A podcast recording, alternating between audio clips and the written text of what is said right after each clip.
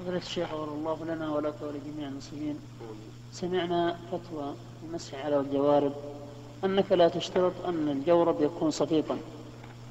ثم سمعنا من بعض الأخوان الفضلاء أنك رجعت عن هذه الفتوى. نعم. نريد الحق في هذا بارك الله نعم. الحق فيما عندي أني ما رجعت. وأن لا أزال أفتي بأنه لا بأس أن يفتي أن الإنسان يمسح على الجوارب. خفيفة ولو كان شفاف لأنه ليس فيه دليل على اشتراط أن تكون ساترة. ومن ثم اختلف العلماء الذين يقولون بالاشتراط فقالوا لو كانت هي لا لا, لا يدخل من بينها الماء لكنها لصفائها تصف ما وراءها. كما لو كان من بلاستيك في الوقت الحاضر. فبعض العلماء يقول لا يجوز المس عليها. وهذا هو المشهور من مذهب الإمام أحمد عند أصحابه.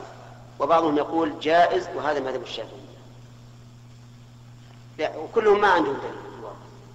الشافعية يقولون جائز لأن الماء لا يمكن أن يصل من ورائه. و فلا يكون فلا يكون فرضه الغسل في هذا الحال.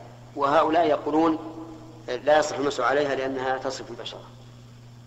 وكل منهم فيما نرى أنه لا دليل له وأنه يجوز المسح على الجوارب الخفيفة والصديقة. ولو كان فيها تمسك نعم.